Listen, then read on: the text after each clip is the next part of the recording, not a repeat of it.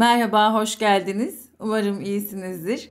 Bugünkü sohbetimizin konusu hayatımızda çektiklerimiz ve çekemediklerimiz. Yani çekim yasası. Öncelikle çekim yasası ile ilgili mutlaka herkesin az da olsa bir düşüncesi ya da bilgisi vardır. Çekim yasası hayatımızda gerçekleşen ya da gerçekleşemeyen tüm olumlu ya da olumsuz olayların kendi enerjimizle yapabildiğimiz ya yapamadığımız evrensel bir kuraldır. Çünkü biz çekim yasasını kullanarak bazen istediğimiz şeyi de istemiyor olarak da gösteriyor olabiliriz. İlk önce bununla ilgili çekim yasası ile ilgili adımlar var. Bunlar her yerde bulunabiliyor. YouTube'dan detaylı bilgileri alabilirsiniz. Ben kısa kısa bilgiler vereceğim. İlk önce biz çekim yasasını kullanabilmemiz için zihnimizin rahatlamış olması gerekiyor. Eğer zihnimiz rahatlamamışsa 5 ya da 10 dakika boyunca meditasyon yapabiliriz. Çünkü bu hem zihnimizi rahatlatacak hem de istediğimiz şeyleri daha detaylı analiz etmemizi sağlayacak. O yüzden zihnimizin rahat olması lazım. Çekim yasasını kullanmak için. Sonrasında ne istediğimizden emin olmamız lazım ve istediğimiz şeyin yani kararını verdiysek kendimizden şüphe etmememiz lazım. Çünkü ya acaba böyle mi oldu dediğimizde işte bu acabalar oluyor. 3. Evrenden isteyeceğimiz şey aslında kendi olanaklarımızdan ve kendimizden istediğimizi bilmemiz lazım. Yani birden kocaman şeyler istemek yerine kendimizi zorlayarak ya da imgelediğimiz ya da niyet ettiğimiz şeyi kendimize göre yani alacak kabımıza göre istememiz lazım. Dördüncüsü de ne istiyorsak ya da neyin olmasına niyet ediyorsak mutlaka bunu kağıda yazmamız lazım. Hatta çizgisiz kağıda yazmanızı öneriyorlar detaylı olarak. Çünkü oradaki çizgiler bile etki olabiliyor bilinçaltınızda deniliyor. O yüzden dilediğinizi kağıda yazın ama çizgisiz bir kağıda yazın. Mutlaka dilediğimiz şeyi hissetmemiz lazım. Yani 17 saniye kuralı vardı gerçekleşmesi için. Daha önceki derslerimizde de bahsetmiştim.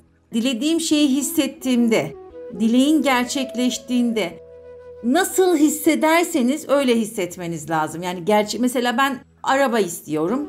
Arabam olduğunda nasıl hissederim? Kağıda yazdım, gözümün önüne getirdim. Aa arabam var. Bunun gerçekten de içine girip dilediğiniz şeyi olduğunuzdaki hissi verebilmeniz gerekiyor. Çünkü çekim yasası ya da evren neye inanıyorsanız düşünce ve duyguyu açığa çıkartan şeyin his olduğunu söylüyor. Ve mutlaka minnet göstermemiz lazım. Çünkü evrenin ya da hayatınızın size verdiği şeylerin listesini çıkartıp yani sahip olduklarınızın ve buna teşekkür etmeniz lazım. Çünkü teşekkür sizin enerji frekansınızdaki sevgi frekansı yani 500 frekansına gitmenizde mutlaka ama mutlaka çok önemli bir faktördür. O yüzden minnet göstermek hem frekansımızı yükseltmek hem de teşekkür etmek çekim yatasının işleyişi için çok çok önemli ve güvenmeniz lazım. Neye güvenmeniz lazım? Önce kendinize, sonra çekim yasasına güvenmeniz lazım. Çünkü çekim yasasının temeli aslında evrensel yasalara dönüyor. Evrensel yasalarda bunlar mutlaka her şeyin temeli çekim yasasına bağlı olduğunu bilmemiz lazım. Yani hayat bizim seçtiğimiz seçimlerden ibaret değil, çektiğimizden ibaret. Çekim yasamızdan ibaret çekim yasasını kullanırken ne istediğimizi net olarak belirlersek, çelişki düşüncelerimiz olmazsa, içinde bulunduğumuz o istek anını e, ya da durumunu takdir edersek, anda kalmayı derste anlatmıştım. Detaylı olarak da isterseniz dönüp bakın. Ve sonrasında yaşadığım negatiflikler ne olursa olsun akışta kalarak bunu üzerimizden atarsak ve saf inanca sahip olursak inandığımız saf düşüncenin ya da niyetin duygularıyla, düşünceyle desteklediğimizde sözlerimize yansıyor. Kesinlikle. Çünkü sözlerimizi nasıl değiştirmemiz ve dönüştürmemiz gerektiğini önceki derslerde de anlattım. Sözlerimle de uyumlu bir hale geliyorum. Benim istediğim şey düşünce duygumu yaratıyor. Duygu sözlerime bir karşılık veriyor. Yani etkiliyor. Bu yüzden de hem mantık hem de kalp alanında evet ayrıntılı bir şekilde yazdım. ve bunu istiyorum kendi içimde. Niyetimi de yazdım. Özgür irademin de kendi frekansımın da etkisini biliyorum. Yaşadığım şeylere göre de istediğimi göz önünde bulundurduğum zaman evet çekim yasası hayatınıza etkili oluyor. Ama çekim yasasının kilit düşünceleri var. Kilit düşüncesi benim kendi düşüncem değil. Neden?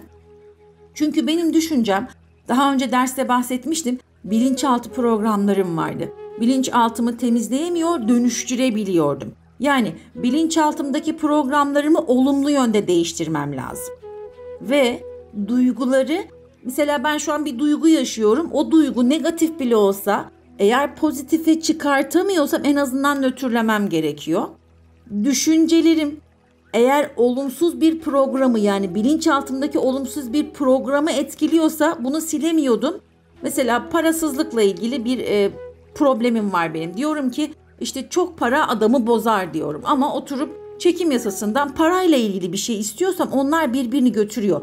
İlk önce benim böyle bir şey istemeden önce olumsuz programlarımı dönüştürmem lazım. Bu da benim yaşadığım yaşamım ve alışkanlıklarımı değiştirmemle olur. Ama bunu da zoraki yaparsam değiştiremiyorum. Neden? Gönüllü yapıldığında bilinçaltı programlarımı dönüştürebiliyorum. Negatif ve düşük titreşim yazan her şeyden kendimi sıyırmam lazım. Negatif müzik olur, negatif e, yüklü böyle drama ya da korku ya da öfkeyle ilgili filmler olabilir. Yani hayatınızdan bunları sıyırmanız lazım. Eğer sıyıramıyorsanız bile görmemezlikten gelmeniz gerekiyor. Evrenin işleyiş modelini çok iyi anlamamız lazım. Evrensel yasaları derste anlattım. Dönüp tekrar oraya bakabilirsiniz aynı zamanda. Kendinizden kaçınmak ya da bilinçaltı programlarının değiştiremediğimde olumlu sonuçlar alamadığım için daha birçok öfke oluşturacak kendimde. Hislerime odaklanamayacağım. E, dolayısıyla benim beyin dalgalarım teta frekansına getiremiyorum. Çünkü teta frekansına getirirsem neydi? Daha fazla istediğim şeyler teta frekansı yüksek olduğu için neydi teta frekansı? İşte uykuya yakın derinlik haliydi. Olumlamalarım ya da niyetimi yapamazdım. Bunlar çok fazla etkili. Bir de çekim yasası ilişkilerde farklı oluyor. Mesela bir kişiye odaklanarak niyette bulunmak sakıncalı oluyor. Çünkü niyet ederken benim için en hayırlı olan ya da bana en uygun olan eşi hayatıma davet ediyorum daha doğru oluyor. Çünkü çekim yasasında ben diyorum ki işte Ahmet, Mehmet ya da kimse istediğiniz kişi işte bu kişiyi istiyorum dediğiniz zaman eğer bu kişi sizin için hayırlı değilse çekim yasasındaki kullandığınız enerjiniz boşa gidecek. Çünkü en hayırlı olanı ya da en uygun olanı düşündüğünüz kişide olmama durumu da olabilir. Zaten niyetimize göre en uygun eş aklımızdaki kişi ise zaten onu hayatımıza davet etmiş oluyoruz. Bir kişi üzerine odaklanmak o kişinin özgür iradesini de hiçe saymak oluyor. O kişi sizi istemiyorsa onun özgür iradesini de hiçe saydığınız için kişi odaklanarak niyet etmek sizin yüksek beklenti getiriyor. Evet ve takıntınızı aslında tetikliyor çekim yasasının işlemesi karşıdaki insanın da özgür iradesine müdahil olmamakla alakalı. Mesela eşimizi hayatımıza davet etmemiz için benim şu andaki ruhsal gelişimime uygun, beraber güzellikleri, sevgiyi doyasıyla paylaşacağım, güvenli ve umutlu, yan yana yürüyebileceğim, zevkini yaşayabileceğim benim ve bütünün hayrına en uygun olanı eşi hayatıma davet ediyorum diyebilirsiniz. Kişi odaklı çekim yasası gerçekten de çok zor hayatınıza çekiyor. Onun da özgür iradesinden dolayı çünkü benzer benzeri çekiyordu. Yani eş ya da ilişkiyle ilgili bir şey çekiyorsanız biraz önceki verdiğim olumlama gibi yapmanız lazım. Yani benim şu andaki ruhsal gelişimime uygun ve beraber güzellikleri sevgiyle, güvenle, umutla ve zevkini yaşayabileceğim benim ve bütünün hayrına dememiz mutlaka daha doğru oluyor. Biz bir şeyi isterken zihnimizde o istediğimiz şey ya da olgu net olması lazım ama kişi net olmaması lazım. Burası çok önemli. Biz kişi odaklı gittiğimiz için de problemler yaşıyoruz. Ve eğer istediğimiz bir olay ya da araç varsa kısa ve net bir şekilde isteğimizi isteyip o istek bize gelirken ayrıntı vermemiz lazım. Yani mesela isteğimi net bir şekilde söyledim ama isteğe gidecek adımları net, keskin, ayrıntılı belirlemem lazım. Her gün istediğiniz şeyi tekrar etmeniz lazım. Bu nesne ya da eşya, araç neyse istediğiniz şey niyet ettiğinizdeki hedefinizin size getireceklerine dikkat vermeniz lazım. Ben X kişiyle evlenmek istiyorum yerine işte doğru kişiyle mutluluk kurmayı niyet ediyorum dedim ama ben araba istiyorum. Mesela kişi de bunu anlattım. Araba istiyorum. İstediğim arabanın markası ve modeli yani ayrıntıda olmalı ama net olmalı diyebilirsiniz. İşte aylık 5000 kazanacağım, 2000'ini bankaya koyacağım ya da sizin hangi bütçenize uygunsa sizin kendi kabınıza göre istediğiniz şey size gelirken ki basamaklarınız ayrıntılı bir şekilde olması lazım. Kalbinizi açmanız lazım istediğiniz düşünceye ama istediğiniz düşünce sizin bilinçaltınızda negatif ve kötü olmaması lazım. Ve istediğiniz şeye ulaştığınızdaki pozitif ruh halinize bürünüp de canlandırarak bunu istemeniz lazım. Biz bazen şunu yaşıyoruz. İşte istediğinde pozitif şeye odaklanırken hemen aklımıza geçmişte yaşadığımız hayal kırıklıklarımız ya da ya bu böyle olmuştu, komşumda da böyle olmuştu dediğiniz zaman onlar birbirinizi maalesef ki götürüyor. Çünkü benzer benzeri çekerdi. Benzer düşünceniz yani kötü benzer bir düşünceniz kötüyü getirir. İyi benzer bir düşünceniz iyi getirir. Odaklandığınız şey sizin için gerçek oluyordu. Odağınız sizin için gittiği ya da istediğiniz şeyde örnek vereceğim bunu şöyle. Ben neye odaklanırsam o benim için gerçek oluyordu. Peki ben anda kalmaz geçmişte kalırsam odaklandığım şey benim için önemliydi. Çekim yasasını da yazdım, kağıda da yazdım. Biraz önceki yaptığım maddelerde de aynısını yaptım ama benim e, niyetim ya da odağım ya da anım geçmişte ve geçmişte yaşadığım olaydı. Olmuyor işte o zaman. Neden?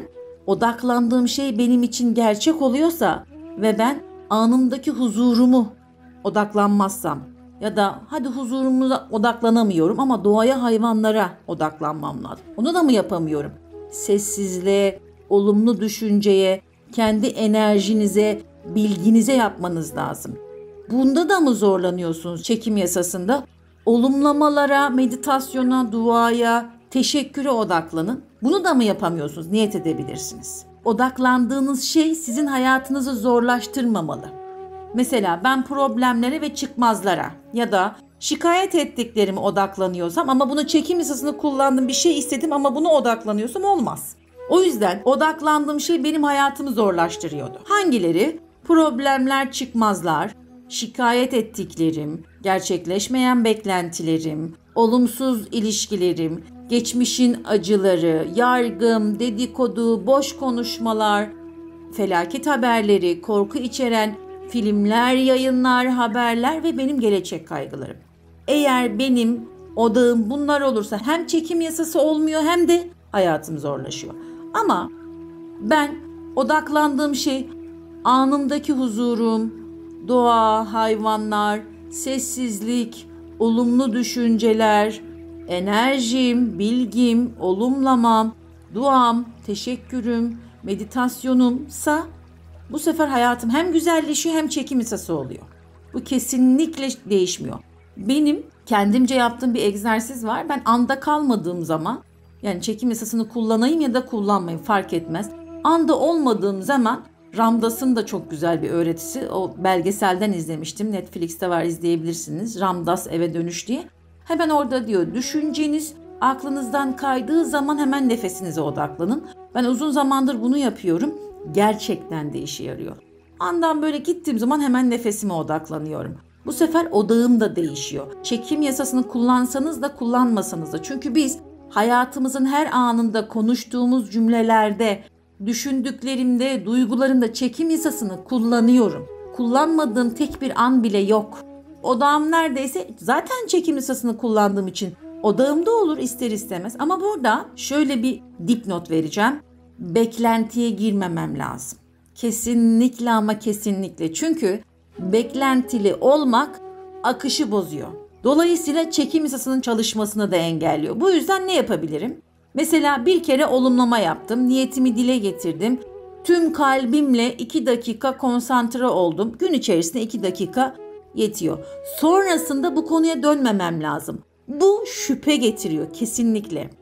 Ve konuşurken istediğiniz şey neden olmuyor, bekliyorum ama olmuyor gibi olumsuz ifadelerden kaçınmamız lazım. Beklentide olduğumuzu gösterir. E işte niyetim benim ya da herkesin bütünün hayrına gerçek olsun cümlesini söylemediğinizde de bir problem çıkıyor. Beklentimiz başka olasılıkların varlığını ya da sizi kör edecek kadar takıntılı ya da hayırdan çok zarar getirebileceğini unutmamamız lazım. O yüzden benim ve bütünün hayrına diye söylüyoruz. Olmasını istediğimiz şey benim için en hayırlı olan olmayabilir. Şu anki koşulları içinde göremiyor olabiliyoruz. Bu yüzden akışa güvenmemiz lazım. İstediğimiz şeyde de eğer farklı bir şey olduğu zaman da derste de anlatmıştım akışa güvenmek nedir diye. Oradan detaylı da öğrenebilirsiniz.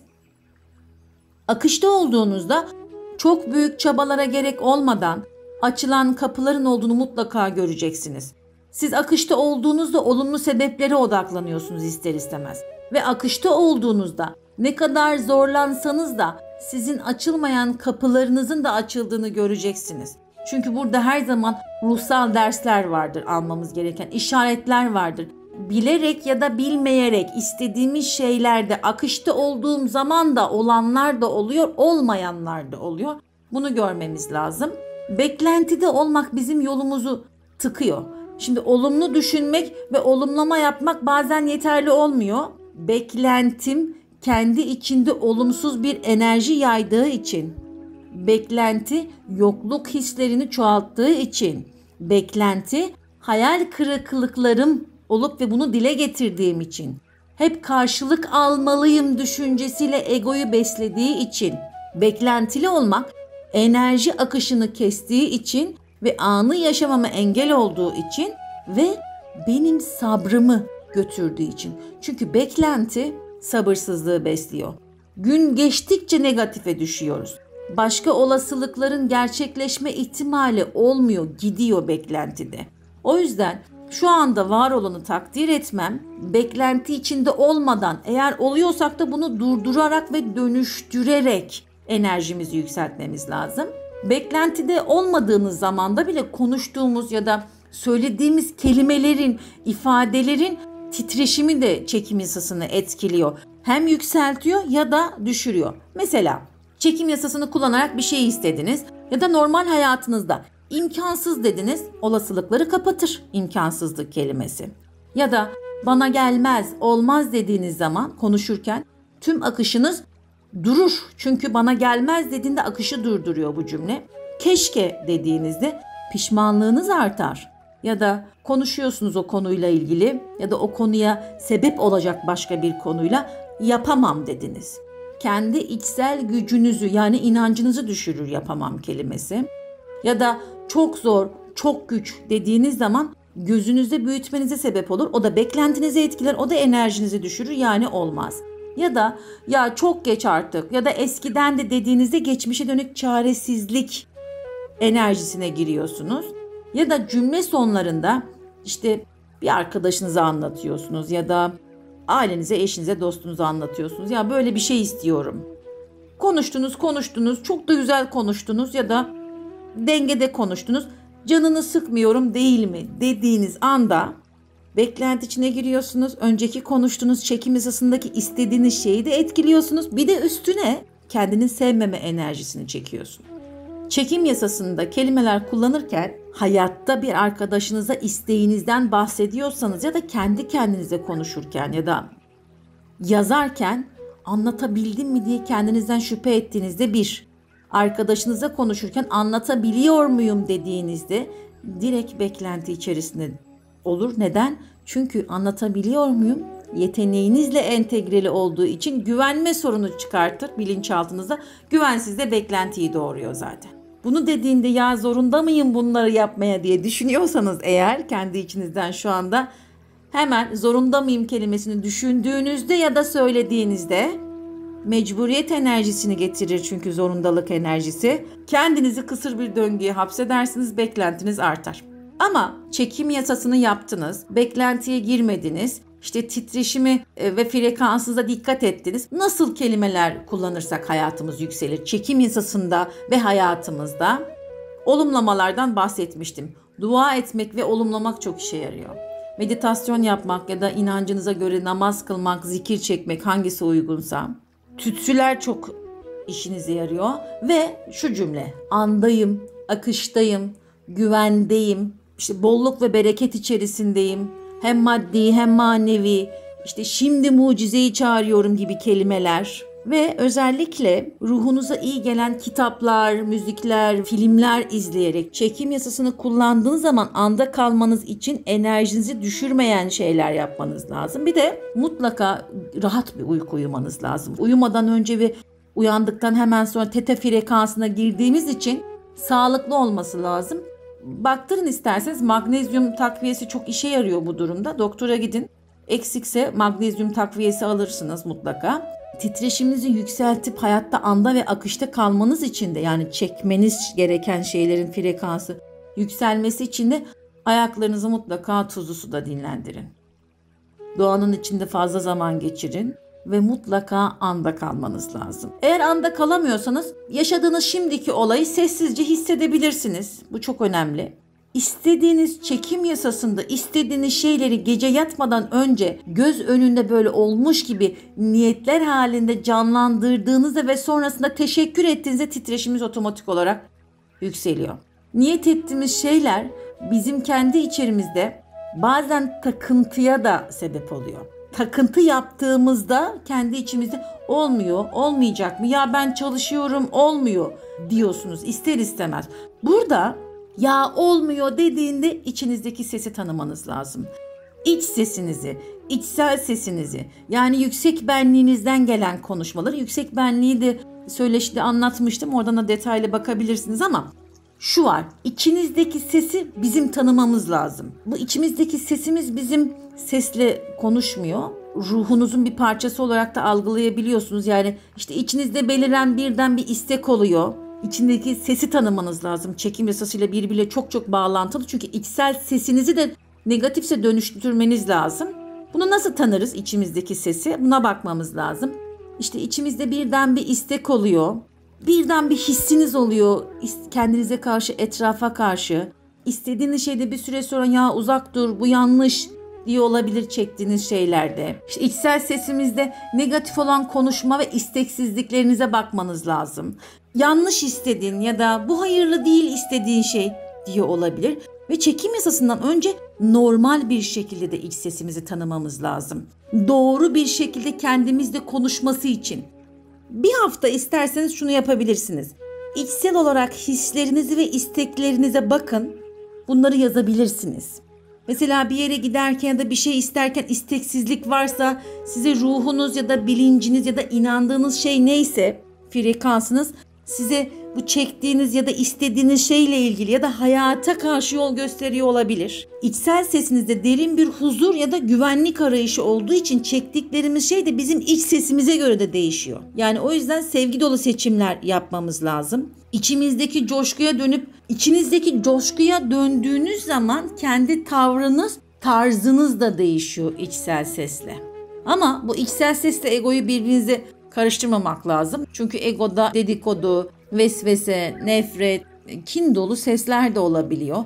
Ve bu yüzden egonun sesini karıştırmamak lazım. Takıntı ve endişe egoya ait olan hırslı düşünce ama içsel sesimiz genelde temkinli ve buna dikkat et, bak bunu giyme gibi hani uyaran şeklinde oluyor ve sizi sinirlendirmiyor ya da öfkenizi ya da takıntınızı ya da korkunuzu tetiklemiyor. O yüzden çekim yasasını çektiğinizde ve sonrasında beklentiye girmediğinizde titreşiminizi yükselten hareketler ve kelimeler yaptığınız zaman ve içinizdeki sesi de tanıdığınızda sizin konuşma şeklinizi ama keşke gibi kelimeleri kullandıktan sonra da şikayet eden yani çözümü içermeyen her türlü yakınma şeklinde konuşmalar olmamalı. Kendinize ya da başkasına atarlanma, kızgınlık, öfkeyi getiren dil kullanımları olmamalı. Küfür düşük frekanstır. Küfürlü konuşmamanız lazım. Olumsuz ya makmek eki daha önceki derslerden bahsetmiştim. Makmek ekini kullanmamanız gerekiyor. Çektiğiniz şeylerle ya da e, ona o çektiğiniz şeyi yani çekim yasasını kullanarak istediğiniz şeyi aklınıza getiren olaylarla ya da konum ve kişilerle dalga geçmemeniz lazım lazım. İşte troll konuşma gibi oluyor. Bunu kendi içinizde yapmamanız lazım. Çünkü aslında bunu içinizde değil genel olarak başkasına da yapmamanız lazım. Neydi? Ben başkasına bir şey yaparsam aynı şey de benim başıma gelirdi. Bizim evrene çelişkili mesajlar göndermemem lazım. Niyetimin aksine konuşmalar yapmak, olumlu hislerden bahsedip ama olumsuz davranmak, arzularımı söylüyorum ama arzularımın yönünde aksi yönünde hareket etmek. Bunlar benim hayatımı hem durgunluğa sürü sürükler hem de olumlama ve meditasyon yapsam da yapmasam da dengesizliğime yol açıyor. Dolayısıyla çekim yasasını kullanarak yaptığım şey aslında olmuyor ağır yargılarda yaşamak, geçmişi hatırlamak, anda huzursuzluk olması, hayatınızda netlik ve istikrarsızlık olan durumlar sizin hayatınızı mutlaka çıkmaza sokar. Ne istediğinizi bilmediğiniz insanlarla ya da ne istediğini bilmeyen insanlarla, dostlarınızla, arkadaşlarınızla konuştukça belirsizlik durumuna girdiğiniz için çekim yasasını kullandığınızda çünkü biz her an kullanıyoruz ve bu her anda birbirlerini götürür ve nötrler ve çelişkili mesajlar göndermemizi sağlar. Bunun için bir olumlama önerebilirim size. Düşündüğüm, hissettiğim ve konuştuğum her şeyin gerçekliğine ve tutarlılığına tüm varlığımla bağlı ve sadık kalıyorum. Bu güzel bir olumlama. Ben bunu durmadan tekrar ediyorum. Gerçekten işe yarıyor. Şimdi ben evrene çelişkili mesajlar göndermemeye dikkat ettim ve olumlamamı da yaptım. Evrenden uyarı işaretleri nelerdir diye baktığımız zaman çekim hissasında mesela istediğiniz bir şey var ya da İstediğiniz bir şey var ama siz nasıl istendiğini bilmiyorsunuz. Sadece temenni ediyorsunuz ya da bir yere gitmek istiyorsunuz ya da bir şey almak istiyorsunuz.